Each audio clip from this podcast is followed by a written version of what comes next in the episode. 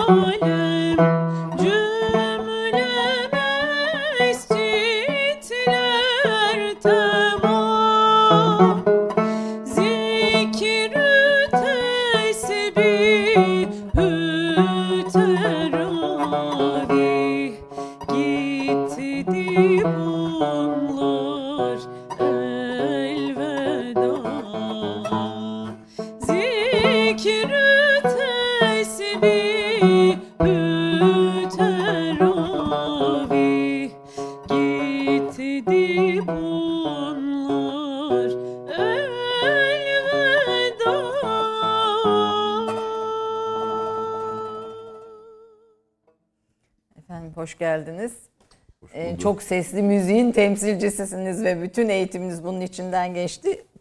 Türk müziğini dinlemek nasıl geliyor size? Kusura bakmayın gülmeye başladım. E benim e, çocukluğum, benim doğup büyüdüğüm evet. yer, benim doğup büyüdüğüm kültür. Dolayısıyla hem yabancısı değilim. İstesem de istemesem de. Bakın istemesem bile yabancısı değilim. Böyle bir durum var.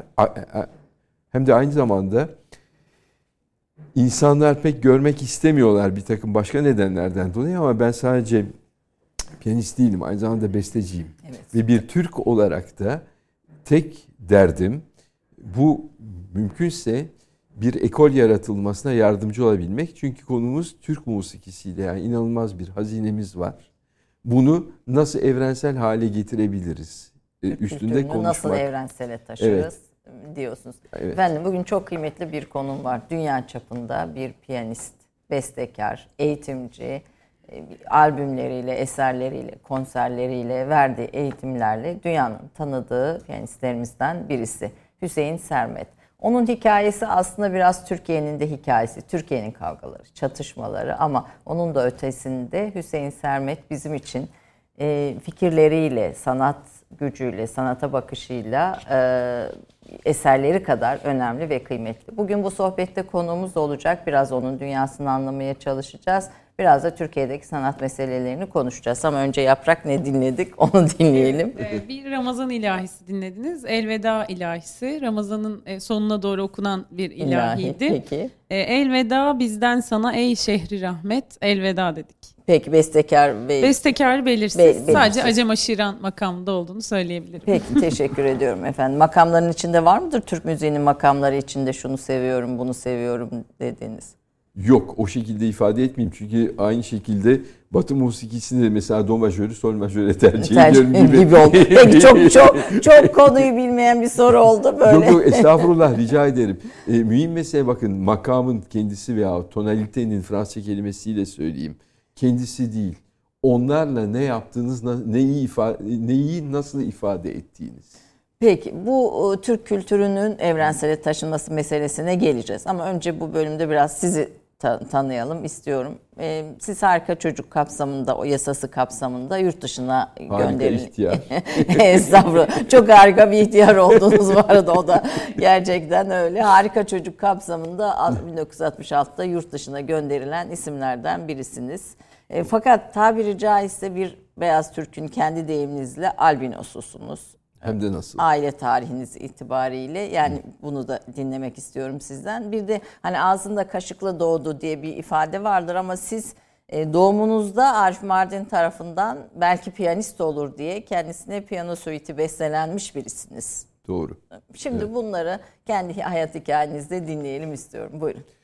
Nereden başlayayım? Siz en çok neyi e, Aileden bu Osman ben Osmanlı ve Selçuklu ve Türk kültürünü reddedemem. Böyle bir aileden geldim diyorsunuz ve ailenizin kökleri 16. yüzyıla kadar dayanıyor. Ee, bir taraftan doğrudur. Ee, babaannem e, direkt olarak e, Ayas Paşa'nın torunu. Dolayısıyla ben de Ayas Paşa'nın torunu oluyorum. Ee, şimdi bunları anlatınca hani tam amiyane deyimiyle özür diliyorum yani hava atıyormuş gibi Yok estağfurullah. Olmasın. Çünkü bir İstanbullusunuz ve Türk evet, Türk, bir nasıl? Osmanlı, Selçuklu, evet. Türk kültürünün her türlü ögesini üzerinde taşımayı şeref sayan birisiniz. Doğrudur. Bu nedenle kendi aile tarihinizin böyle çok kısa altını çizerek Fransa'ya gönderilme e, öykünüzü tamam. dinleyelim. E, e, Ayas Paşa'nın torunu. Aynı zamanda e, sonradan bu aileye Osmanlı ile biliyorsunuz Fransa arasında bir takım sıcak ilişkiler var. Kanuni'nin sahip evet. çıkmasından dolayı ki bugün tabii Fransa bunu görmezden gelmeye çalışıyor ayrı konu. O işin siyasi boyutlarına girmeyelim şimdi. Ee, ve o iyi ilişkilerden dolayı e, bizim e, barut, e, top gibi silahlarda biraz geri kaldığımızı fark edince Fransa'dan rica ediyorlar bir uzman gö- e, göndermesini. Ve o uzman da humbaracıdır. Ee, e, asıl ismi Comte de Bonneval. Yani Bonneval Kontu. E, buraya geliyor. Malum siz zaten hikayeyi evet. ezbere biliyorsunuz herhalde. Onun için çok fazla anlatmama gerek yok. Humbaracı Ahmet Paşa oluyor. Ve e, e, benim jetlerimden biri. E, ve burada ilginç bir şey söyleyeyim. Benim çok çok sevdiğim e, piyano hocam Fransa'da ki bendeki tesir yardımı saymakla bitmez. Thierry, Thierry de Brunoff. Şimdi de Brunoff dediğiniz zaman o artikle denilen hikaye gelince Almanca fon mesela Meselesi. sir gibi İngilizce ailenin bir e, şey asalet evet bir boyutunun olduğunu ifade ediyor diyelim. Onun da bir e, mimar arkadaşı vardı. Aynı gene Patrice de Brandois. O da e, aynı şekilde mimar o bir gün Fransa'da seneler evvel ama böyle 30 belki de 35 sene önce böyle havadan sudan konuşurken ben bu söyleyince bana aynen Fransızca söyleyeyim iki ayağa mais c'est pas possible dedi böyle. Ya nasıl olur gibilerden. E, Le fou des Bonneval est ton ancêtre. Yani bu Bonneval ailesinin çılgını, delisi senin ceddin. Ben de neden şey oluyor dedim. Deli ve Deli çılgın. çılgın. E çünkü Müslüman oluyor. Müslüman olunca tabii Fransa'daki Katolik olan aile onu işte çılgın, çılgın olarak falan. linç ediyor. Yani bu işin hani biraz eğlenceli, eğlenceli tarafı evet. diyelim. Ee, şimdi Osmanlı Sarayı'yla Kanuni Sultan Süleyman başveziri olmuş bir kişinin torunu olarak buraya ben gelmişsem Osmanlı'ya ondan evvel Selçuklu'ya ta Orta Asya istediğiniz tarihe kadar gidelim. Benim bunlara tukaka demek hakkına sahip olmadığımı düşünüyorum. Ve kaldı ki ben sanatçı olarak bir kültür insanıyım her şeyden. Ben siyasetçi değilim, sporcu değilim, ilim adamı değilim, sanatçıyım. O zaman kültür benim işim. Eğer sahip çıkabiliyorsam. E, sonra konuşmak istediğimiz, açmak istediğimiz evet. bir iki şey var. Oraya bağlarız bunu. E o zaman ben kültür olarak e, e, ne zaman gökten zembille mi indim? Yani ben bunu soruyorum. Sorarım da. Bu demek değildir ki e, bazılarının ifade etmeye çalıştığı gibi işte sen Cumhuriyet düşmanı oldun, işte Atatürk düşmanı oldun falan. Hiç zerre kadar alakası yok. Ama ben 1923'te icat olmadım. Ben yani ama bu ayrı bir konu.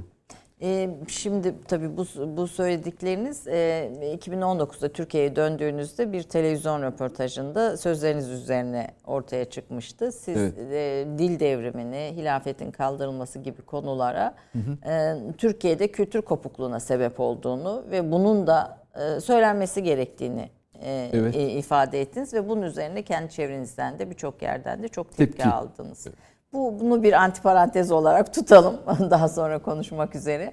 Ee, babanız TRT bazı Ankara TRT e, musikisi şefiydi, müziği şefiydi. Doğru, evet. Ferhunde Erkin Ulvi Cemal Erkin'in eşi e, sizin hocanız ve sizi keşfediyor ve Doğru. Ulvi Cemal Erkin'e götürüyor. Bu arada siz Adnan Saygun, Ulvi Cemal Erkin gibi yani Türk Beşlisi dediğimiz önemli e, kalburüstü. kalburüstü isimlerden dersler alıyorsunuz zaten yetiştiriyorsunuz. İlkokulda evet. bir konservatuar gibi bitiriyorsunuz. Doğrudur Ankara'da. Ee, ve ondan sonra bir yetenek olarak keşfediliyorsunuz. E, evet yani resmen e, bu çocuk çok kabiliyetli, e, istidatlı e, diye karar alınıyor.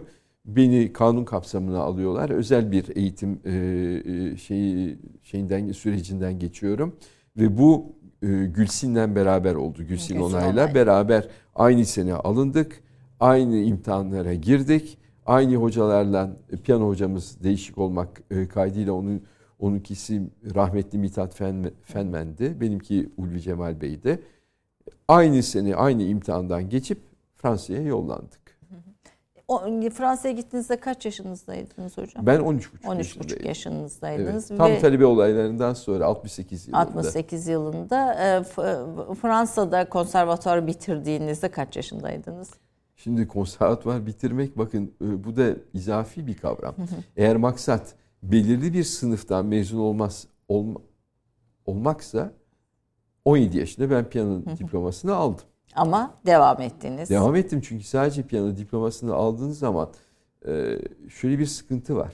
Siz piyano çalmasını öğrendiniz diye. Diploma nedir? Bir kağıt parçası. Sizin bir konuda öğrenim gördüğünüzü tescil eden belgedir. Piyano sınıfında bu çocuk okudu mezun oldu diye bir kağıt. Eyvallah. Ama iyi müzisyen olduğunuzu gösterir mi? Hayır. Çünkü her sene Paris Konservatuvarı olsun, dünyanın bütün ülkelerindeki en kötüsünden en iyisine kadar bütün müzik okulları mezun veriyor.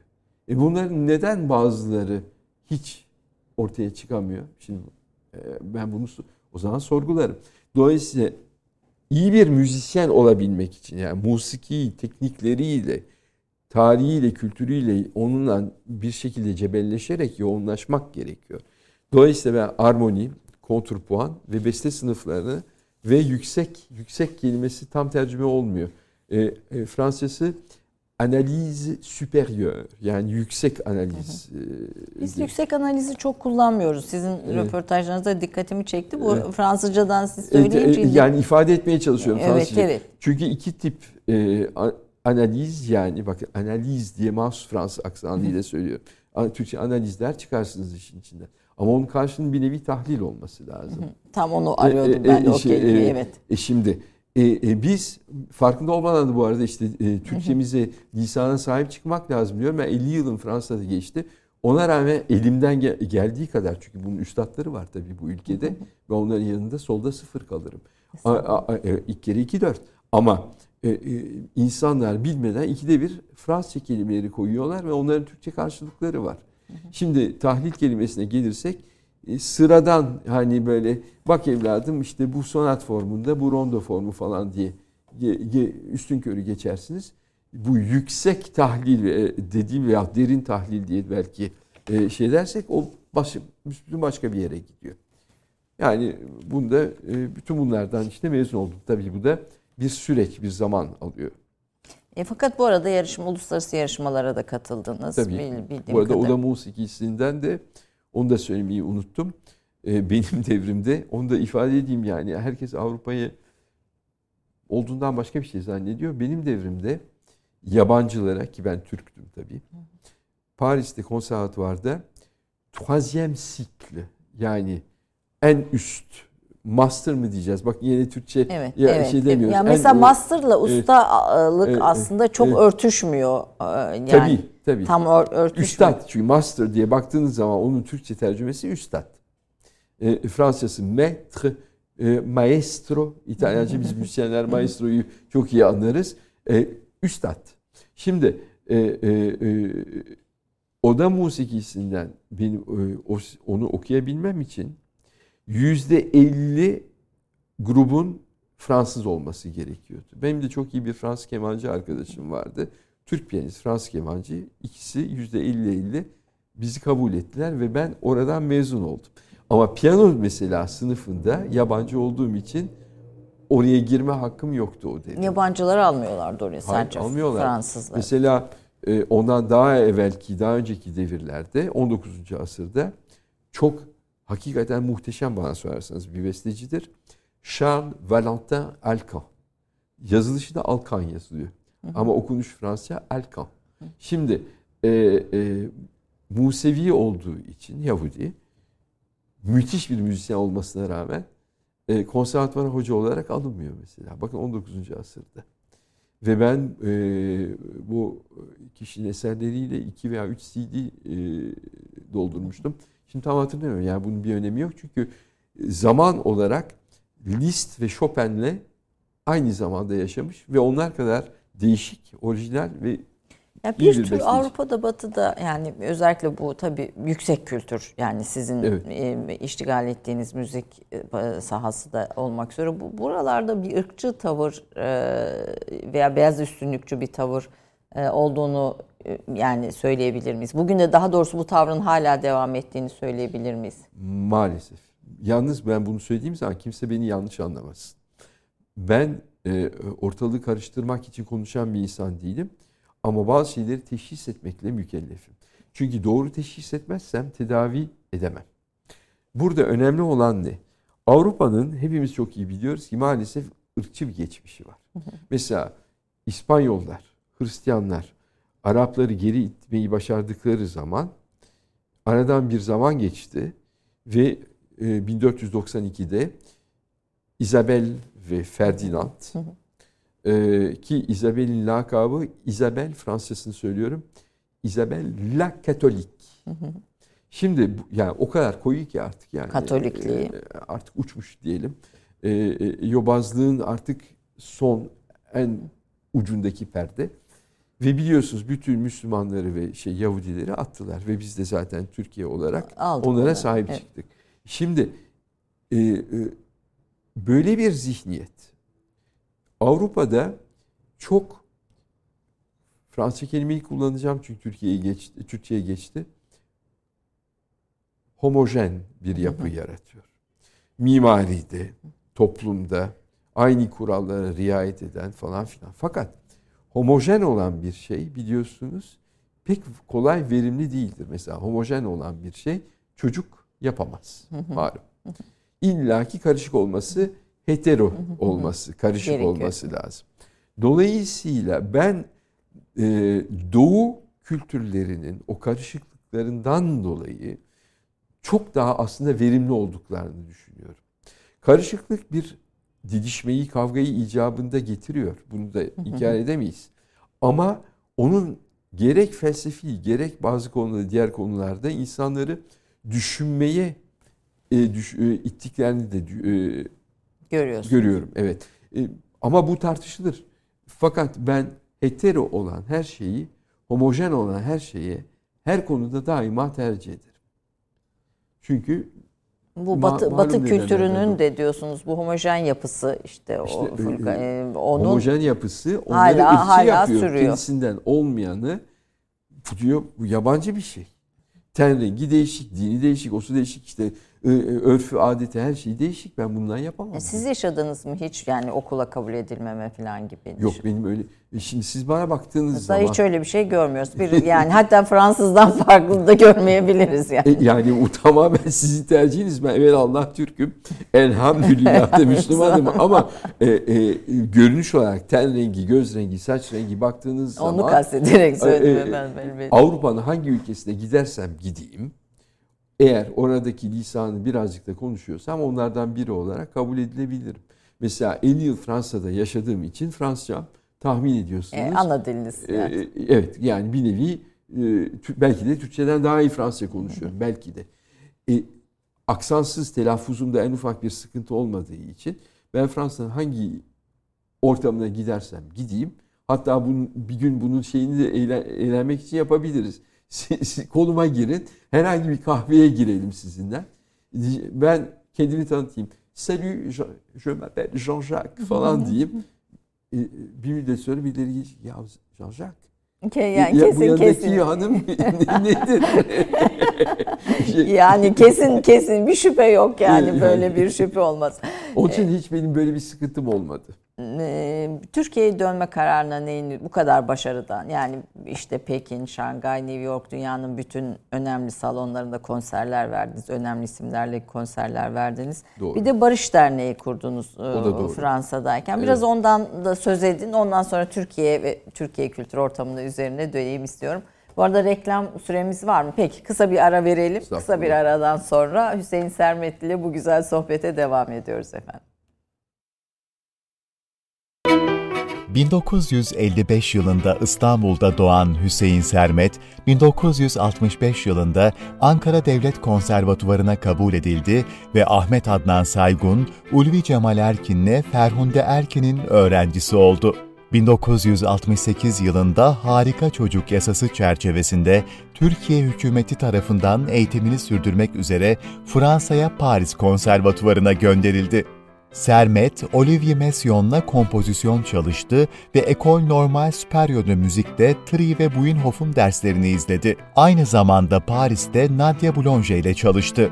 Bugüne kadar Semyon Baychkov, David Robertson, Loha Mazel, Mstislav Rostropovich ve Maria Jopiris gibi dünyanın en iyi sanatçılarıyla performanslar ve kayıtlar gerçekleştirdi. Senfoni Orkestra Dos Bayerischen Rundfunks, Kraliyet Filarmoni Orkestrası, NHK Senfoni Orkestrası, Orkestra de Paris ve Detroit Senfoni Orkestrası gibi seçkin topluluklarla çalıştı. 1991 yılında devlet sanatçısı ünvanı verilen sanatçının bestelerinden Reminiscence 1997 yılında Empire Festivali'ndeki premieri France Müzik tarafından canlı yayınlandı. 2001'de Rüya ve Kabus'un premieri Tokyo Senfoni Orkestrası tarafından yapıldı. 2006'da Heykellerin premieri ise İş Sanat'ta gerçekleştirildi. Reminiscence 2 adlı eserinin galasını 2012'de İstanbul'da yaptı. Hüseyin Sermet bugüne kadar Naiv, Harmonia Mundi ve Erato için pek çok kayda imza attı. Ödüllü çalışmaları arasında Ravel'in solo piyano çalışmaları, Charles Valentin Alkan'a ithaf edilmiş üç kayıt, Maria Jo Piris ile gerçekleştirdiği Schubert'in dört el piyano için yazılmış yapıtları, Liszt'in son dönem yapıtları ve Si minör sonatından oluşan CD kaydı bulunuyor.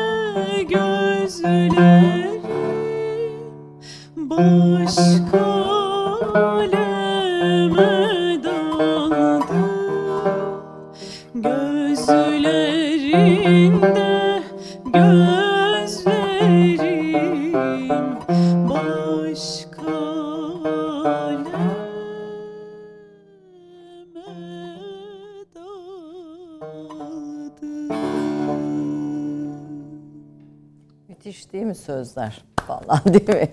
Muhteşem. Çok sağ Müthiş sözler. Şimdi tabii şey e, söz e, duyguyu bir şekilde ifade ediyor fakat evet. piyano ve tamamen hani diğer e, çalgıların olduğu bir şeyde söz yok. Orada da fakat bir duygu müthiş insana geçiyor. O, evet. o, o siz de bir bestecisiniz, dünya çapında bir bestecisiniz. Nasıl oluyor? Yani biraz onu hani şey olarak şimdi dinlerken e, düşündüm. Nasıl nasıl geçiyor bizi o hüzün, neşe, coşku, kızgınlık? İzin verirseniz bir gözümü kurutayım. Lütfen. Size söylemiştim bu maalesef sıkıntılı benim gözlerimde. Elbette buyurun. Ee, şimdi şöyle bir durum var. Şarkı dediğimiz zaman şarkı formu diye bir şey var. İllaki söz olması da gerekmiyor ama şarkı illaki bir söz olursa içinde musikiyi derininden bilmeyen insanlar için ses ve söz uyumu eğer cuk oturmuşsa tabiri caizse insanlar da tamamen beyin ve gönül olarak kapalı değillerse elbette onların bir noktasına hitap ediyor. Bir, bir yerden yakalıyor. Yakalar. yakalıyor. Yaka, ya, ama siz musiki denilen olaya kapalı değilseniz ki bazı insanlar tamamen kapalı. Ve ben bunu bir yani bu işi icrasını yapan bir insan olarak, meslek edinmiş bir insan olarak, bir sanatçı olarak kesinlikle e, e, kabul edilebilir görüyorum. Neden? Ben matematik, matematiğe tamamen kapalıyım mesela. Ancak 2, 2 artı 2 4, 2 kere 2 4 seviyesindeyim. Bölmenin bana 3'ü 4.5'a böl deseniz bir yerlere sıfır falan koyup virgül yap, e, tamamen unuttum.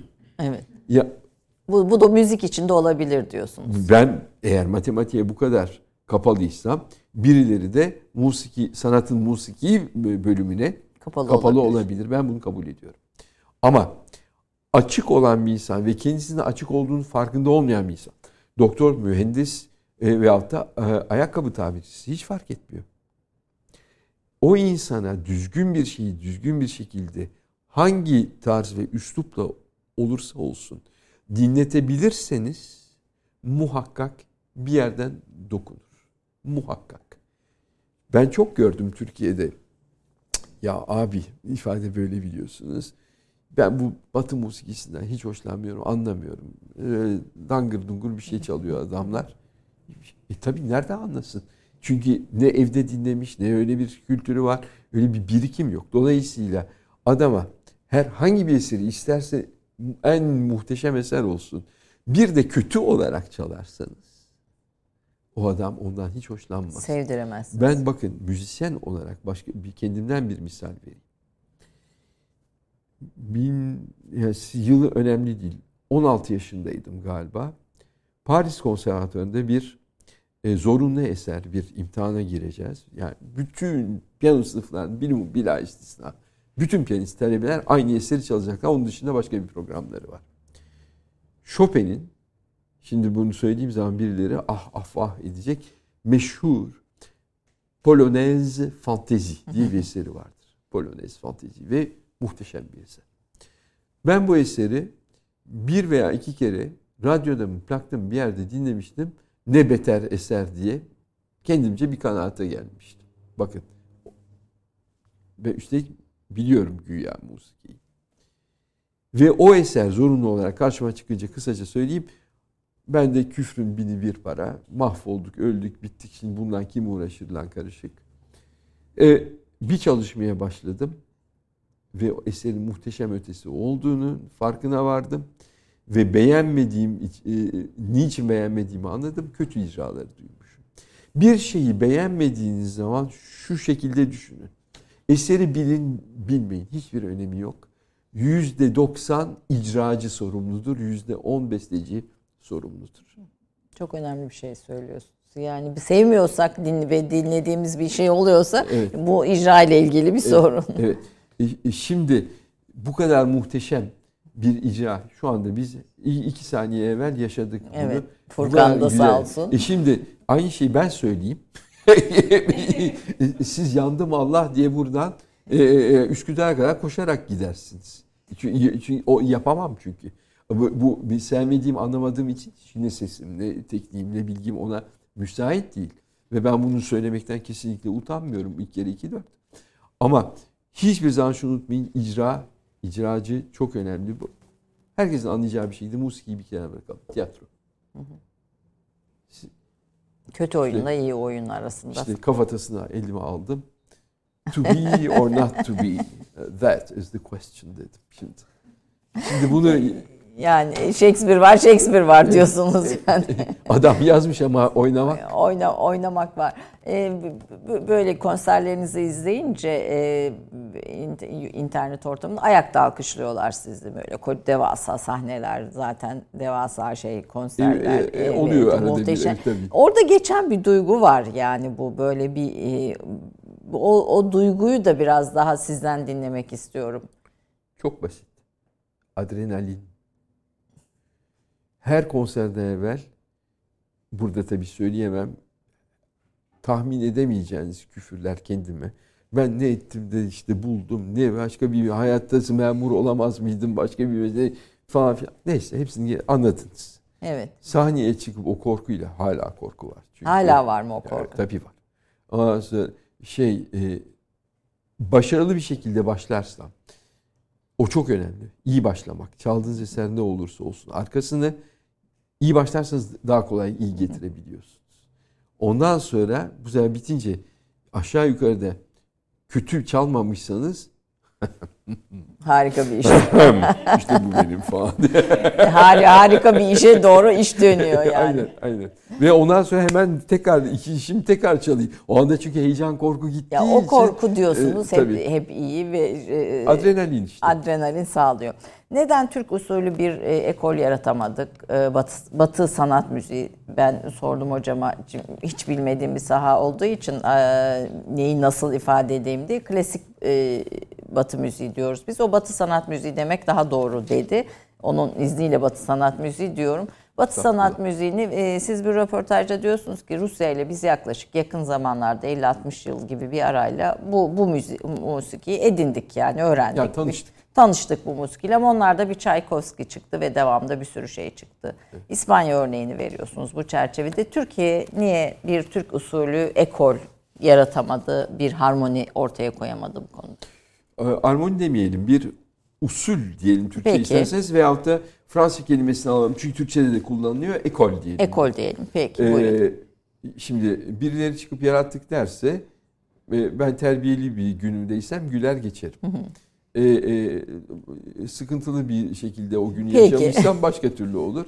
Ama e, e, eğri oturup doğru konuşalım. Hı hı. Çünkü hastalığı teşhis etmezsek tedavi etmemizin imkanı ihtimali olmaz. Biz bir Türk usulü e, e, bir şey şu ana kadar yaratamadık. Hı hı. Çünkü bazı, bakın Türkiye'de çok inanılmaz kabiliyetli genç mes- meslektaşlar var. Ve hakikaten çok bilgililer. Çok harika gidiyorlar. e, bilgi konusunda en ufak yani tartıştığım hiçbir şey yok teknik olarak. Ama beste olarak dediğimiz zaman şimdi ben Fransa'da okudum. O zaman Fransız ekolünden öyle ifade edelim etkilenmiş olmam gerekirdi. Benim eserlerim Fransız ekolüne pek benzediğini sanmıyorum. Ama bu e, çok e, açık ve net söylüyorum. Çünkü içindeki kullandığım malzeme Türk ritim olarak şey, e, şey keşke bakın şimdi Türk'ün aklı biliyorsunuz hep sonradan gelir. Hiç aklıma gelmedi size yazdığım eserlerden birinin linkini yollayayım. Belki bir iki tane Bir iki şeyini, tane aslında e, YouTube'da girebilir miyiz bilmiyorum ama. YouTube'a hiç koymadım. Hiç koymadınız. Koymadım tamam. çünkü konser kaydı ve kayıtların kendisi çok kötü. Ses kalitesi olarak çok evet. kötü. Ee, öyle olunca e, hiç koymadım. Ama kötü de olsa bir tını hakkında fikir vermesi evet. açısından. Mesela şu anda dinlediğimiz şeyi ben alıp kendi usullerimle diyeyim yani e, e, tamamen çok sesli bir hale getirip bunu sun, sunabilirim. Ama bunu yaparken bir, şimdi ben onu o eseri çalıştıktan sonra ortaya çıkacak netice sizlerin hiçbirinizin alışık olduğu bir netice olmayacaktır. Ve 21. asırda yaşıyoruz. Dikkatinizi çekerim. Ben e, Rimski-Korsakov'un e, karbon e, kopyasının müsveddesi halinde bir orkestrasyonla piyasalarda beste yapıyorum diye dolaşamam. Ayıp denen bir şey var. Türkiye'de böyle mi yapıyor bestekarlar? Ben şimdi bazıları evet, evet. böyle yapıyor. Şimdi isim falan zikretmeyeyim. Evet. Genç, kabiliyetli arkadaşlarımız da onlar çağdaş olma iddiası yüzünden benim için bu benim görüşüm başka bir çıkmaz yola girmiş durumdalar ve bunu dünyaya hakim olmak isteyen biliyorsunuz onun mücadelesini siyaseten gün be gün yaşıyoruz işte küreselci bir yaklaşım var. O küreselci yaklaşım e, e, her şeyin tek bir şekilde olmasını arzu ediyor. Yani Amerikalı bir besteci, Türk besteci, Çinli, Japon besteci, Rus besteci, Şili bir arkadaşım var gene besteci. Eserlerini yan yana koyun. Hangisini kim besteledi meçhul.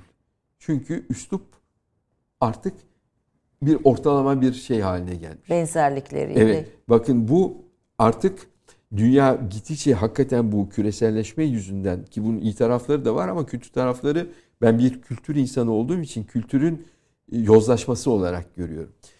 İkinci Dünya Harbi'ne kadar hatta ikinci, ikinci Dünya Harbi'nin hemen akabinde hala Avrupa'da Fransız piyano ekolü, Alman piyano ekolü, akabinde tabii ki Rus piyano ekolü. Bakın gene Ruslar, Rus, baleden bahsetmiyorum bile. Ki bunların hiçbirini Ruslar icat etmediler. Ama her birinde söz sahibi, ekol sahibi olmuş bir ülke, bir millet. Ben bunun önünde ceketimi iyilikler helal derim. Ee, e, bunların arasındaki farkı görebiliyorduk. Bugün uluslararası yarışmalara jüri, jüri üyesi olarak gittiğin zaman ki mesela önümüzdeki Temmuz ayında Santander yarışmasına jüri üyesi olarak gidiyorum. 2022 jüri üyesi 1976'da da o yarışmayı 21 yaşındayken girip kazanmıştım o ayrı konu. Şey e, e, elimden koymuş gibi biliyorum ki Güney Kore, Japonya, Çin, Fransa, Alman, İngiliz, Batı yani uzak doğu batı fark etmiyor. Hangi ülkelerden kim gelirse gelsin. Ve orada 6 tane çok ortalama bir misal vereceğim. Beethoven meşhur mesela Waldstein sonatı. Alt üstte çalınan İngiliz'i, Fransız'ı, Japon'u, Korelisi üç aşağı beş yukarı birbirine çok benzeyecek. Bunun benim için bir kıymeti, harbiyesi yok çünkü standartlaşan bir şey var. Ama hakiki kültür böyle bir şeyden yola çıkarak bunu ben bu şekilde ben saatlerce dinleyebilirim ama ben tek başıma bir kıstas teşkil etmiyorum. Biz dinleriz çünkü biz Türk'üz evet Dinletmek var. Bir Ama bunu siz mesela ne kadar dinletebilirsiniz Amerika'da, Japonya'da veya Çin'de? Güney Kore'de. Ee, ben bunun misalini vermiştim. Japonların kabukisini aldığınız zaman veya no tiyatro işte tiyatrosunu aldığınız zaman biz Japonca bilmeden, usulünü, şeklini, şemailini bilmeden kaç saat dinleyebiliriz bakarız hiçbir şey anlamadan. Aynı şey. Yani ben kendime 3 dakika diye veriyorum yani. Siz 3 dakika veriyorsunuz. Ben çok meraklı olduğum için ve Kyoto'ya çok çok sık gittim. Ben Japonya'ya en aşağı 25 kere en aşağı. Ben çok daha fazla olduğunu tahmin ediyorum gittim. Kyoto'yu da çok severim. Eski başkentleri biliyorsunuz. Ve oranın sokaklarında çok sürtmüşlüğüm vardır tabiri caizse. E, e, gittim en olmadık yerlerinde bir takım şeyleri izleme şansına nail oldum. E, Geisha'nın ne olduğunu da biliyorum. Evet. Ama Geisha'yı herkes başka şekilde evet. ifade ediyor. Alakası yok. Ve Japonların Geisha'yı izlerken ne olduğunu, nasıl olduğunu izledim ama izledim. Evet. Anlamaya çalıştım. Daha doğrusu geç hissetmeye, hissetmeye çalıştım. çalıştım. Peki biz e, bu bunu hissettiren ülkeler var mı? Yani kendi bir Beethoven'da kendi tanısını, daha doğrusu kendisini hissettiren ülkeler, Rusya gibi. Rusya çok başarılı, başarılı bu konuda. Bu konu. İnanılmaz başarılı. Ama neden biz de bunu yapmayalım diyorsunuz? Niye yapmayalım değil? Elimizde yapmamız için yani ahçı olarak her türlü malzemeyi ben en iyi şekilde masanın üstüne koysam ve e, e, sizin de mutfakta ne kadar başarılı olup olmadığınızı bilmiyorum. Ben kendimden misal vereyim. Ben onlardan aşağı yukarı yenecek bir şey çıkaramıyorsam Hüseyin Sermet olarak o zaman ben intihar etmeliyim. Türk kültür, Türk sanatçıları da bunu diyorsunuz düşünmeli. Yani burada düşünmeli ve, ve yaratmalı. Ama bunu yaratırken işte Rimski-Korsakov'un müsveddesi bir orkestrasyon ve e, e, hala demin aramızda konuşurken bahsettiğimiz bir eziklik vardı. Kendimizi olmaktan ziyade kendimize batının nazarıyla bakmaya çalışarak onun ezikliğiyle Hollywood'un nasıl hani e, doğuyu gösteren sahnelerinde en eski en harcı alem filmlerinden bu yana illaki bir göbek dansözü ortaya çıkar ve oradaki arkasına konulan musiki türünü biliyorsunuz. Evet. Batılı'nın bestelediği. E, bazılarımız hala o nazarla hareket edip de o nazardan bakıp beslediği zaman e, biraz hazin bir tabloyla Tablo. karşı karşıya kalıyoruz. Şimdi Batı'da e, siz farklı bir ayrıksı bir örneksiniz. E, batı'ya giden sanatçılarımız bizim işte Orhan Pamuk'tan Fazıl Say'a e, bir, bir şekilde oraya gittikten sonra Elif Şafak mesela. Elif Şafak. E, batı'da bir isim sahibi olduktan sonra veya ödüller aldıktan sonra bir e, Türkiye'ye bakışları çok değişiyor ve Türkiye'yi böyle çok eleştirel. Tabii eleştiride bir mahsur yok elbette her şey eleştirilebilir. Tabii ki. Bu ülkede her şey e, eleştirilmeye müsait ama ve lakin bir küçümseme, bir üst tonaj, hani biz üst kültür grubu olarak e, şöyle filan gibi bir takım tavsiyeler demeyelim ama böyle işte e, şeyler şöyle olmazsa bu ülkeden adam olmaz işte böyle olmazsa bu ülkeden adam olmaz söylemleri mutlaka geliyor. Siz bunun istisnası bir sanatçısınız. Ömrünüzün 50 yılını Paris'te geçirdiniz. E, buna e, karşı fikrinizi merak ederim. Siz neden öyle olmadınız? Ben şu anda iki arada bir derede kalmış durumdayım. Ne Musa'ya ne İsa'ya yaranamıyorum. Ama öyle bir derdim de yok. Ben yani böyle Demin, İslami çevreler, muhafazakar çevreler, Türk evet. kültür çevreleri falan da iç içe de olmamışsınız yani bu 50 yılın Hiç içinde. Tamamen yani, yani bir Fransız e, kültür çevresinin, bir Avrupa kültür çevresinin içinde e, bir ömrünüz geçmiş. Buna rağmen niye hani bu aşağılama, küçümseme tavrını sizde hiç görmüyoruz? Çünkü ben gönlümü açmayı başarabildim. Bakın tek bir cümleyle ancak böyle ifade edebilirim. Ben e, aldığım terbiye, yaşadığım ortam, içinde bulunduğum zihniyet çok iyi tanıyorum, çok iyi biliyorum. Niçin, kimin, neden, neyi, ne zaman, niçin söyleyeceğini de biliyorum. Çünkü içlerinde doğup büyüdüm. Ee, ve bunu bu şekilde hareket edenlerin yüzde sekseninin, bakın yüzde sekseni diyeyim veya yüzde yetmiş beş diyelim, dörtte üç. Çok samimi olduklarını da biliyorum ama cehaletlerinin esiri oluyorlar. Yani biz Batı'nın tıpatıp aynısı kopyası olmazsak adam olamayız. Çünkü orada ilim var, bilim var. Bizde bunların hiçbiri yok. Ve bunu doğru olup olmadığını araştırmıyor. Çünkü bunu doğru olarak kabul ettiği için ve kendisini de Batı ile özdeş, özdeşleştiren bir sınıfa soktuğu ve o şekilde yaşadığı için kendisi de otomatik olarak bu şekilde düşündüğü için sırf entelektüel olmuş oluyor ve okumuş sınıfa tabi oluyor. Dolayısıyla üstün sınıf. Bunların dörtte biri de yüzde yirmi beşi diğer dörtte üçünü yönlendiren, onlara çaktırmadan ayar, ayar verenlerdir. Fikir babaları diyoruz. Tabii ağ babaları diyeceğim. Fikir babaları bile değil. Eğer bu fikirsizliğe fikir diyorsak fikir babaları Peki, diyelim ama babaları. ağ babaları. babaları. E şey onlar tamamen satılmış bir nevi mahluklar ve onlar bilinçli olarak bu işi yapıyorlar. Şimdi ben Türk'üm. Türk bir kere Türk'ün tarifini doğru yapmak lazım. Ben batılı mıyım? Batılıyım.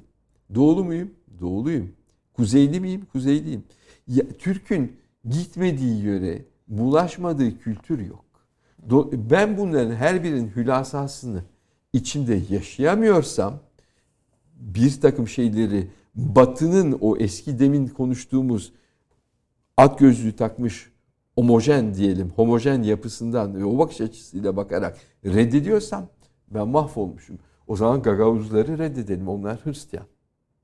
Hazar'daki Yahudi olmuş Türkleri reddedelim. Onlar da Yahudiliği seçmişler. Onlar artık Türk değil. Bitti. Ya bir dakika. Arkadaş ne yapıyorsun? Hepimiz Türk'üz yani. Bir kere ben Türk'üm. Ha biz Müslüman olmuşuz. O, onun getirdiği başka bir kültür var.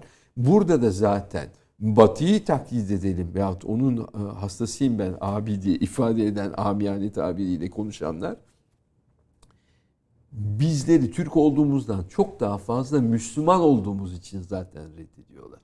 Bir kere bu, bunların farkına evet. varmak lazım. E, siz tabii ki çok iyi biliyorsunuz ama benim söylemem belki daha çarpıcı. Çünkü Müslüman deyince onların nefret ettiği genelleme yaparak söylüyorum bir Arap tablosu karşımıza çıkıyor. Arapların Osmanlı'ya bir takım sıkıntılar yaşatmış olmasını ki ben, hepsi doğru. Hiçbirini inkar etmiyorum ben. Bunlar tarihte cereyan etmiş vakalar. Bütün Arapları bir anda tukaka yaparım. Pis Arap diye hani çok özür dileyerek bunları canlı yayındayız söylüyorum. Şimdi ben bu böyle şeyler duyduğum zaman hiç yıkanmıyorlar mı diyorum. Yıkanan hiç Arap görmediniz mi diyorum. E şimdi bu seviyeye ancak böyle cevap evet, verebilirsiniz. Evet. Çünkü bu ciddi olmayan bir seviyede ben ciddi konuşamam. Ancak karşımdakinden dalga geçmeye başlarım. E, e, dolayısıyla e, bu ezikliklerden kurtulmak ve anlamak lazım. Demin nasıl eser evet. iyi ise icra doğrudur demiştim. Besteci zaten yapacağını yapmış. Ama besteci en müthiş eserini siz kötü bir şekilde yorumlayın iş bitiyor. Siz aynı şey dinler için de gerekli. Siz onu okuduğunuzu anlıyor musunuz? Nasıl anlıyorsunuz? Anladıktan sonra nasıl uyguluyorsunuz? Biz Türk olarak bana sorarsanız bu benim şahsi fikrim. Bu tamamen belki başka bir konu ama İslam'a da en güzel yorumları getiren bir ülkenin ve bir milletin çocuğu olmakla iftihar ediyorum. Özbekistan'daki e, gerek Hanefiler gerek Maturidiler, bu, o Türkiye'deki Mevleviler, Bektaşiler e bunlar inanılmaz bir kültür hazinesi. Ben bunları reddedeceğim. Batı'ya böyle affedersiniz aval aval böyle ağzım açık bakacağım. Ve her yaptıklarını en saçma şey olsa bile alkışlayacağım. Yok öyle bir durum. Burada ayırdına varmak yani farkına varmanın bir püf noktası evet. var mı? Bunun böyle olmadığının. Yani bu yüksek hayranlık çizgisinden e, çıkıp böyle bir o tarafa da eleştirel bakabilmeyi başarmanın bir püf noktası var mı? Ne diyeyim bilemedim. Kafayı çalıştırmak. Kafayı çalıştırmak peki efendim. Kafayı çalıştırmak üzerinden devam edelim. Kısa bir reklam arası ondan sonra e, değerli piyanistimiz, dünya çapında ünlü sanatçımız Hüseyin Sermet'le sohbete devam ediyoruz. Aslında e, kültür sanat dünyası üzerine başladık ama Hüseyin Bey çok sıkı bir entelektüel aynı zamanda. Biz onun hayat hikayesi içinde böyle ve başka konulara da değineceğiz. Reklamlardan sonra bekliyoruz efendim. Efendim bir Türk sanatçısını bugün konuk ediyorum Hüseyin Sermet Bey'i. Fakat çok e, konuşacak çok da konu var. E, Hüseyin Sermet Bey e, Türkiye'de çok üstün kabul gören bazı müzisyenlerin yaptıkları bestelerin beste bile sayılamayacağını, bunların basit aranjmanlar olmaktan ileri gidemediğini söylüyor. Türk kültür çevrelerinin bu noktada kendi kültür birikimini de öne çıkarması gerektiğini söylüyor. Ve e, bu beyaz kendisinde bir beyaz Türk olarak beyaz Türklerin son derece yüzeysel, kültürsüz, verimsiz bir çevre olduğunda yine daha önce katıldığınız bir röportajda e, söylemişsiniz ve bu vasatlığın sebeplerinden birisi de Cumhuriyet'in kültür radikalizmi diyorsunuz. Bu cümlelerle olmasa bile bunu özet ve bu bize zarar veriyor. E, bu değerlendirmelerin akabinde bir sosyal medya lincine uğradınız. 2019'da Türkiye, e, Türkiye'ye döndü. Ama siz eleştirilerinizi öbür taraf, her tarafa da yapıyorsunuz. Yani bir metal yorgunluğu değil, bir paslanma olduğunu da söylüyorsunuz. Yani bir tarafın insanı olarak da söylemiyorsunuz bunları. Ee, biraz bunu konuşalım istiyorum. Bu ataleti, sizin tabirinizle bu paslanmayı atmak için ne yapalım? Ee, bu bu kopukluğu, kültür e, devrimlerinin ortaya koyduğu evet. kopukluğu, kavrayış kopukluğunu, algı kopukluğunu tedavi etmek için ne yapmamız lazım? Ee, Fazla Saylı Tayyip Bey'in e, arasındaki e, tartışmalarda değilimdi veya bir mevzuda da e, görüşlerinizi söylemiştiniz ve büyük bir destek veriyorsunuz e, Cumhurbaşkanımız Tayyip Erdoğan'a da. Onu da onun sebeplerini de dinlemek isterim. Bir gönül, bir muhabbet e, duyduğunuzu söylüyorsunuz. Onu da dinlemek isterim. Doğrudur. Şimdi neresinden başlayalım? Çünkü o kadar çok şey var ki. Peki hangi, ön, önce şu şey efendim önce e, beyaz Türklerin e, yüzeysel, kültürsüz, verimsiz bir çevre olduğu fikrinden yola çıkarak Cumhuriyet'in kültür devrimlerinin bize ortaya koyduğu kopukluğu çok kısa sonuçları itibariyle konuşalım. Tamam. Ee, e, şimdi iyi tarif etmeme izin verin. Cumhuriyetin ben Cumhuriyet bir devlet idare şeklidir. Krallık olur, imparatorluk olur, diktatörlük olur, her şey olur. Cumhuriyet bunun şekillerden biri. Zaten Cumhurbaşkanı olan, cumhuriyet şekli olan bir takım memleketler var. Biliyorsunuz diktatör tarafından, evet, evet. otoriter rejimler tarafından idare ediliyor. Güya demokrasi olan e, cumhuriyetler var. Mesela Fransa gibi diyelim. E, fakat Fransa'nın da artık ne kadar demokrasi... E, e, e Fransa bir kelime vardır. Diktatür, demokrasi. İkisini birleştirip demokratür yaparlar. Yani diktatörlüğün son hecesiyle İkisi arasında bir yerde. Şimdi, ama bunlar siyasi meseleler. Şimdi bizim kültürel olarak konumuz şöyle. Cumhuriyetin verimsiz olması Cumhuriyetin kendi, kendisinden kaynaklanmıyor. Getirdiği bakış açısından ve Batı'yı körü körüne taklit, taklit etmek e, e, zorunluluğundan kaynaklanıyor. Biz kendimizle ilgili her şey e, her şeye gericilik, yobazlık yaftasını yapıştırmaya devam edersek e, bu e, sanattaki e, vasatlığa yol açtığı vasatlığı önleyemeyiz. Yani siyasi bir durumun kültürel, kültürel bir bakış açısının sanata yansıması o eşittir vasatlık. Bunu cebir olarak bu şekilde evet. bir formülle e, ifade edebilirim. E, bundan e, nasıl kaçabiliriz? Aslında bunu tartışmamız lazım. Çünkü içinde bulunduğumuz tablo çok acı bir gerçeği yansıtıyor. Ya zaten bunu o, o çerçevede sordum. Yani nasıl evet. uza bu vasatlığı nasıl alt edebiliriz? Yani işte o paslanma dediğimiz şeyi e, metal yorgunluğunu, paslanmayı nasıl bir e, ter, terapi mi edeceğiz, değiştirecek miyiz, başka bir seviyeye mi geçeceğiz, ne yapabiliriz? Özellikle kültür e, sanat için söylüyorum bunu. Bunun tedavisi bence bir takım kanunlar ve e, değişmediği sürece bana sorarsanız 3 aşağı 5 yukarı imkansız. Ne, ne gibi? Neden? Siz görevini kötüye kullanan bilmem nerenin müdürü, bilmem hangi şubenin bilmem nesi veyahut da oradaki bürokrat bir hükümet olarak işten el çektirdiğiniz zaman adam gidip dava açıp görevi iade ediliyorsa ve hırsızlık veya e, yaptığı bile tescillenmişse buna rağmen göreve iade edilebiliyorsa ben Türkiye'deki bir takım kurumların, sanat kurumlarını nasıl düzeltebilirim? Ben, benim bakış açım şöyle. Türkiye'de bu kurumlar, sanat kurumlarından bahsediyorum. Kendi konumun dışına mahsus çıkmıyorum. Ama sanat kurumları da genel bir tablonun Dünya, tezahürüdür. Toplumun bir parçası. Tabii. Bu kadar tefessüh etmiş olmalarının tek bir nedeni var. O zaman bunları bir kenara koyalım. Bunlara hiç el atmayalım büsbütün bağımsız sıfırdan yeni bir yapı inşa edelim diyor. Ve bunların içine e, İngilizce meşhur bir deyim vardır. Right man, right place, right time hikayesi. Doğru adamı doğru zamanda doğru mevkiyi getirmediğiniz takdirde o zaman şartlar neyse katlanırsınız. Ortaya çıkan neticede hepimizin malum. Aslında hepimiz şikayet ediyoruz ama ben bakın 66-67 yaşına geldim hala şikayet ediyoruz. 50 yılım yurt dışına geçmiş. Ben gidiyorum geliyorum bazı konuları görüyorum. İşte Türk musikisinde perde, e, işte komalar, perdeler var. Aa, yeni öğrendim. Vallahi bilmiyordum. E Batı musikisinde de yok. Ha öyle mi? E biz bunları nasıl birleştireceğiz? Bence bir çalışma grubu kuralım. Ondan sonra onlar da Pusevi makamı için ayrı bir şey. Alt çalışma grubu.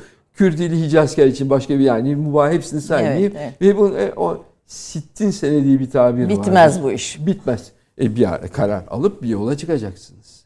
E, öbür türlü aman efendim sepet efendim evet efendim bilmiyorum. Dolayısıyla bu memur kanunu değişmediği sürece e, e, ve yargı reforma girmediği sürece biz bir takım konularda çok sakatız. Bunu ifade bu, edeyim. Bu, Onun için bağımsız bir yapı kuralım diyorum. Kültür sanat çevrelerini memur olmaktan çıkartalım diyorsunuz. E, sanatçının görevi memur olmak değil sanatçı olmak.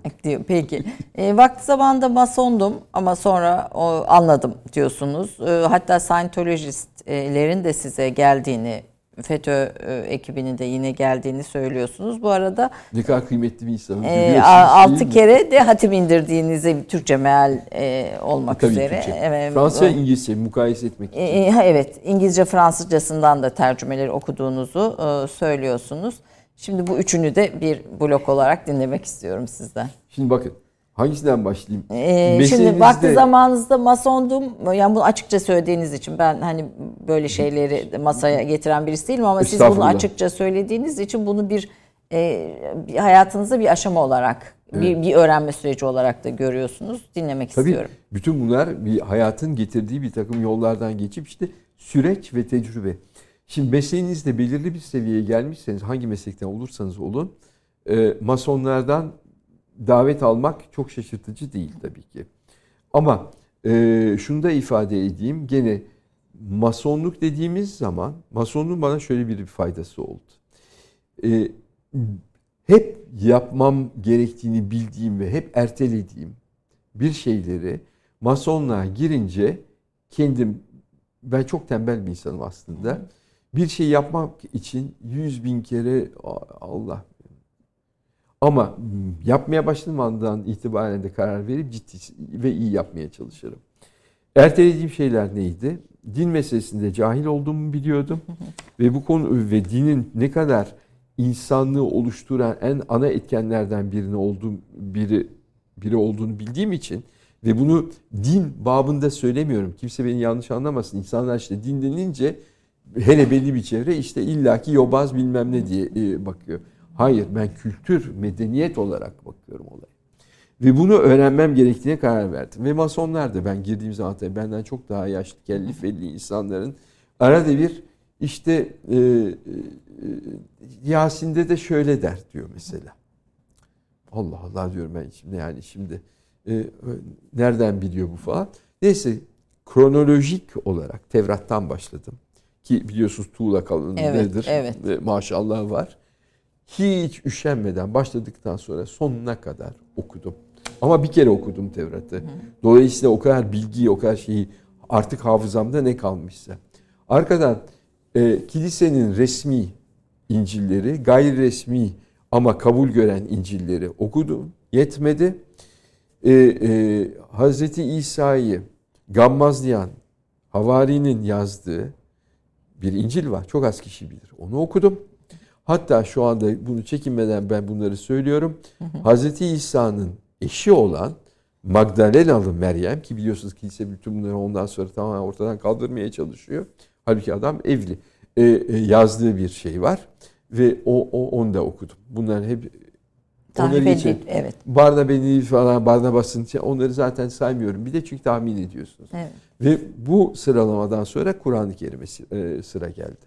Ve e, dediğim gibi çeşitli e, sahiplerle değişik tercümeleri, Türkçe tercümeleri Ve ondan sonra da doğru mu yanlış mı üç aşağı beş yukarı çünkü kelimeler bazen değişiyor. Evet. Mana değişiyor mu diye evet. bakıyorum. E, Fransızca ve İngilizce yani en iyi bildiğim iki yabancı lisan olarak e, e, okudum. Dolayısıyla bunların bir kere kült, e, din ötesinde kültür ve medeniyet olarak okutulması gerektiğine ben inanan bir insanım. Ve bu arada da kültür, bilgi, medeniyet ve kültür arasındaki bağların da bağlamların tam yerine yerleştirilmesi gerektiğini söylüyorum. Kültür mü medeniyetten kaynaklanır, medeniyet mi kültürden doğar mesela? Veyahut da bilgi ile kültür arasındaki fark nedir? Bunlara insanlar doğru cevap veremedikleri sürece habire sağa sola böyle e, savrulabilir. Tabii. Evet, onu onu ee, onu nefret eder. E, Peki masonluktan vazgeçme sebebiniz ne oldu? Masonluktan şu şekilde. Ben e, çok iyi niyetten girdim.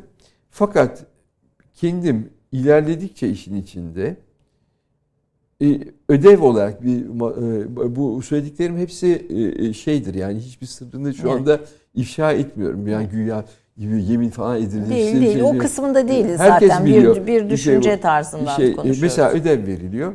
İşte ateş, su, işte e, bilmem hava üstüne yaz mesela. Bu felsefi bir konu. Çok güzel bir konu. Bana gelen konu buydu. Ve ben bunun üstüne yazdım. E, bir, e, bende bir tek hava eksikti galiba. Toprak, ateş ve su vardı. Ki biliyorsunuz meşhur bir Fransız filozof vardır. Onun kitapları bu konularla ilgili zaten. Her, her biri bu. Oturup okuyorsunuz bu sefer. Bu, bu sefer zihniniz açılmaya başlıyor. İster istemez aklınızda kalanlara da bir yerde kültür deniliyor. Veyahut da bilgi tartışmaya açık. Her halükarda masonluk da ben kendim ciddi yapıyordum. Fakat bir takım insanların sonradan Google'a gidip Hazreti Google'dan üstün körü bir takım şeyleri alıp böyle şey Türkiye'de bu tip mesela musikiyle ilgili e, kitap da yazan var. E, o kadar çok kaynak var ki hepiniz Batı musikisiyle ilgili çok güzel kitap yazabilirsiniz. Çeşitli evet. kaynaklardan toplayın. Bir nevi intihal tabii. O, o kendinizce birleştirin. Onu buradan, bunu şuradan falan. E bir kitap yazdım diye piyasaya çıkarsınız. Masonlukta da bunu gördüm. Biraz yüzeysel bulmaya başladım. Ve e, çok ileri gitmiş, 33. dereceye gitmiş bir takım arkadaşlarla da biraz sohbetlerim oldu. Çeşitli mesleklerden kimisi e, işte psikanalist, kimisi bilmem ne falan filan. Tam amiyane deyimiyle sıtkım sıyrılmaya başladı. Ve ondan sonra da eh, dedim. Bıraktınız bir evet. mektupla istifa ettiniz. Gülen... Ama pardon sözünüzü kesiyorum. O mektubun ellerine geçip geçmediğine emin değilim. Neden? Hala bugün bana çeşitli hocalardan çeşitli toplantılar için davetler geliyor. Muhtemelen ya ellerine geçmedi ya da görmezden geldi. Evet.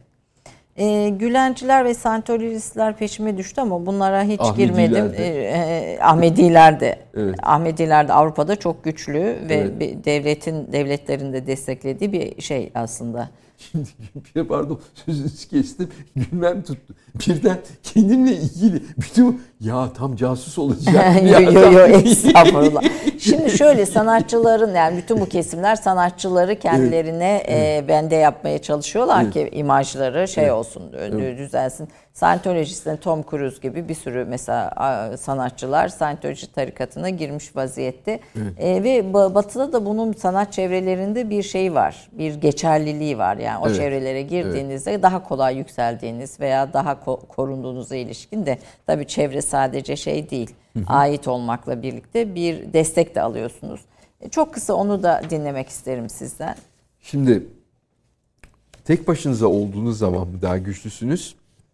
herhangi bir grubun içinde olduğunuz zaman meşhur masalları vardır biliyorsunuz. Hani çek bir çal, e, çalıyı ve dalı kırmasını söyler adam oğluna. Sonra bir deste verir bunu kır der kıramaz mesela. Şimdi belirli bir grubun içine girdiğiniz zaman o grubun içinde var olmayı sineye çekiyorsanız ve size uyuyorsa ki bu e, çok çoğu kişiye uyabilir. Siyasette de biliyorsunuz parti kurmadan maalesef hiçbir yere gidemezsiniz. Bir partiye aza veya üye olmanız lazım. Neri taraftan olursa olsun. E, e, kariyerinizde illaki bir şekilde bir yere gelmek istiyorsanız her ne pahasına olursa olsun o zaman bir gruba dahil olmak daima daha verimli. Kolaylaştırıcı. Tabii ki. Hangisini olursa olsun. Çünkü her birinin hakim olduğu e, şeyler var. Mesela hiçbir parti olmayan ama e, son derece bunu ifade etmemin en ufak bir e, bence zararı ve şey yok. Çünkü bir gerçeği söyleyeceğim. Mesela eşcinsellerin de kendi aralarında çok büyük bir dayanışması var. Kendi aralarındaki kavgaları şunu bunu bir kenara koyun. Çok büyük bir dayanışma içindeler. Mesela bu bunlar e, ben bunu hakaret amiz bir şekilde de söylüyorum. Evet, bir, evet. bir gerçeği, bir, bir gerçeği, bir e, toplumsal evet. bir birlikteliği söylüyorsunuz. Evet. Ee, siz bunlara itibar etmediniz. Ee, Yok eşcinsel değilim. Ay, estağfurullah onu kastetmedim. yani Gülen ve Scientologistlerin size getirdikleri tekliflere itibar etmediniz ee, ve onlara dahil olmadınız. Hayır her biriyle son derece terbiyeli ve saygılı bir şekilde konuştum. Çünkü ben çok meraklı bir insanım. E, e, e, İngilizce bir deyim var biliyorsunuz merak kediyi öldürür derler. Ama e, öğrenmeye meraklıyım. Hakikaten böyle. Dolayısıyla da her birini de konuşturmaya çalıştım. Yani ne istiyorsunuz demeden sizin maksadınız ne? Neyi arıyorsunuz? Neyi yaratmaya çalışıyorsunuz? Bana en kapalı cevapları şeyler vermişti. E, Fethullah Gülenciler. En kapalı. İşte biz dinler arası hoşgörü. Şimdi böyle söylediği zaman hangi biz buna karşı çıkabiliriz? Evet. E, ilk kere iki dört. Ha ne güzel dinler arası hoşgörü olsun. İşte şu olsun bu olsun ama e, e, çok ketumlardı. O dikkatimi çekmişti. Ama bana işte e, Pensilvanya'ya seni götürelim. Bunda yani bakın ben çok açık evet, konuşan evet. bir insanım. E, Hoca efendiyle işte görüştürelim falan. Her seferinde e, e, bir kısmı doğru bir kısmı pek doğru olmayan konserlerim bilmem nelerim ortaya çıkıyordu. Ve ben bir türlü tabii Pensilvanya'ya gitmedim. Çünkü gitseydim başıma gelecek olanı biliyordum. Adam bana elini uzatacaktı. Ben o eli öpmeye mecbur kalacaktım veyahut da öpmeyecektim. Şimdi her iki türlü kötü. Öyle evet. oraya gittikten sonra. E şimdi ben ona dönüp bu, desem ki benim ellerim daha marifetli seninkinden ayıp olacak. Yani bu, bu bir bir mukayese yaptım ve tabii diyorsunuz bunlara evet. katılmadı ve bağımsız bir sanatçı olarak kalmayı tercih Aynen. ettim bir Türk Aynen. sanatçı. 15 Temmuz'da da karşı durdunuz. E, evet, Fransa, herkes biliyor zaten. Evet e, ve, ve Türkiye'yi, Türk hükümetini desteklediniz. Cumhurbaşkanımızla olan e, Tayyip Bey'i desteğinizi de biraz konuşmak istiyorum. Çünkü e, bu, bunu her yerde de söylüyorsunuz, ifade ediyorsunuz. Doğrudur. E, batı'da genellikle Cumhurbaşkanımız aleyhine böyle bir yaratılmaya çalışan algının içinden geliyorsunuz ve de Fransa'da Tabii. bu algının en yoğun olarak yaşatılmaya çalıştığı yerlerde siz farklı ne gördünüz? Şimdi Cumhurbaşkanımızı bir saniye bu denklemin dışına itelim. Bir saniye. Niçin onu sevdiğimi veyahut da e, desteklediğimi anlatmanın en güzel usulü şuraya bir kere indirgeyelim, basite indirgeyelim. Ben neyim? Türk'üm. Hüseyin Sermet. Türk. Türk oldu Türk. Ha Ceddim'de Ayaspaşa Arnavutmuş. Fransız kont gelmiş. iyi yapmış. Ama ben Türk'üm. Yani bunun kimse aksini iddia, e, e, iddia edemez. E şimdi Türk olarak ben bu kadar vatanperver yani Türk kültürüne bu kadar sahip çıkan bir insanken oturup bakarım. Kim Türkiye'yi nereye götürmek? Ve kim Sayın Cumhurbaşkanımıza hangi sebep ve sahiplerden karşı çıkıyor? Fransa'da ben 2018'de döndüm. Zaten 2018 yılına kadar olan devirlerde e, e, tabiri caizse Cumhurbaşkanımız çoktan tukaka ilan edilmişti. Evet. Bu sadece Fransa'da değil. Avrupa'nın tüm Batı yer. dünyasında. Niçin tukaka edildiğinin sebeplerine baktığımız zaman o zaman benim duracağım yer salise tereddüt olmadan Cumhurbaşkanımızın yanıdır. Bu, bu kadar basit bir izah var bunun. Ben Türkiye'yi güçlendiren bir kişiyle e, e, beraber olmak isterim. E, e, muhalefette olan bazı partilerin isim zikretmeyeyim. Çünkü isim de zikretmekten korktuğum için değil.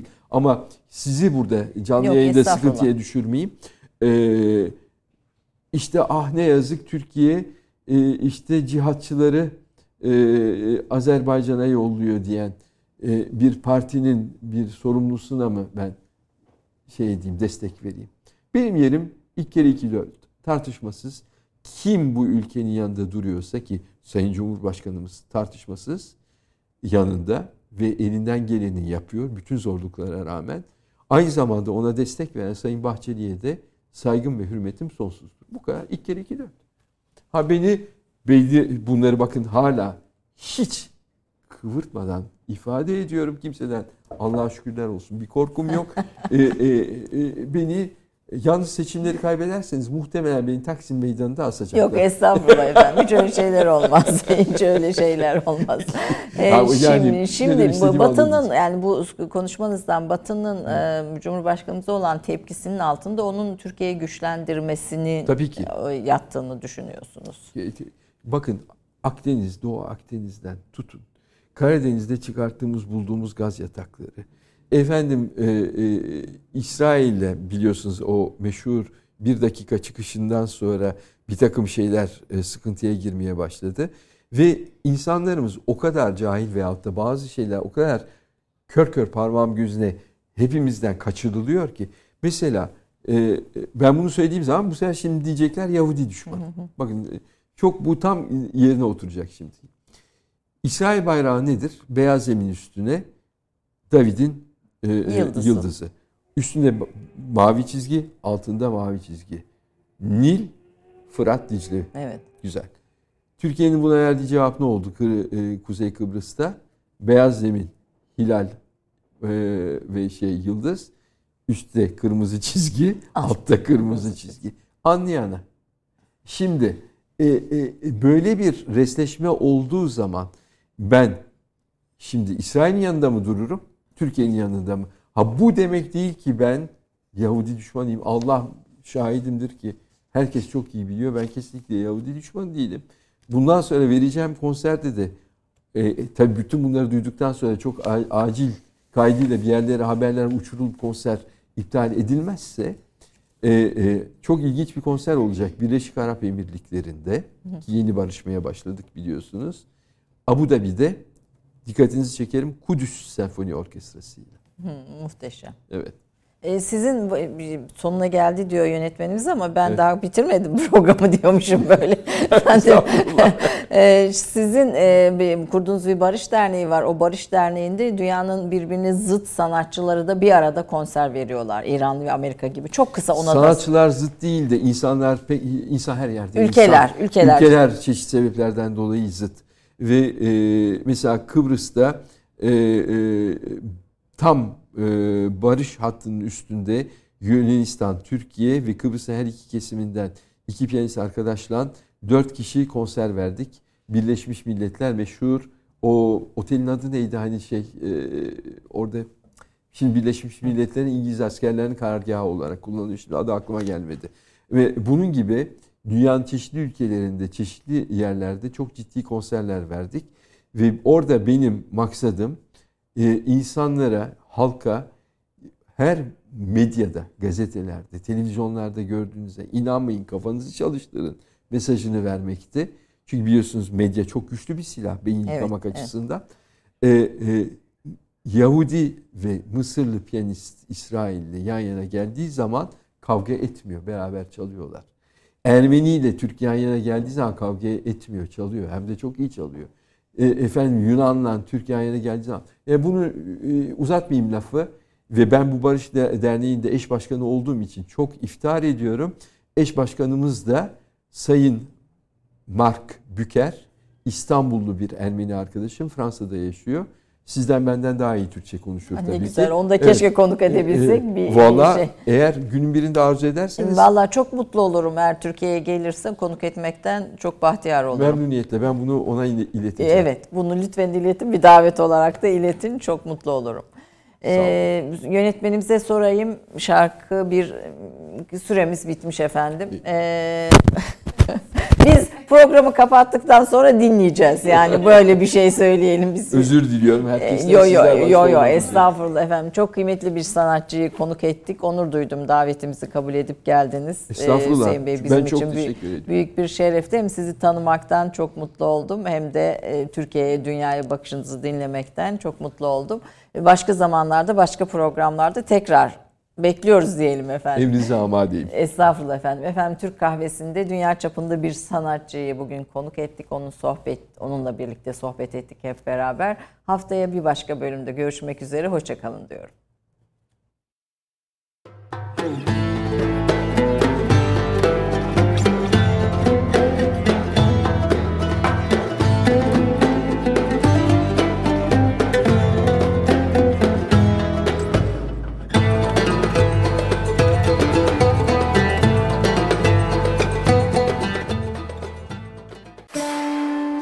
Vakıf Katılım Türk Kahvesi'ni sundu.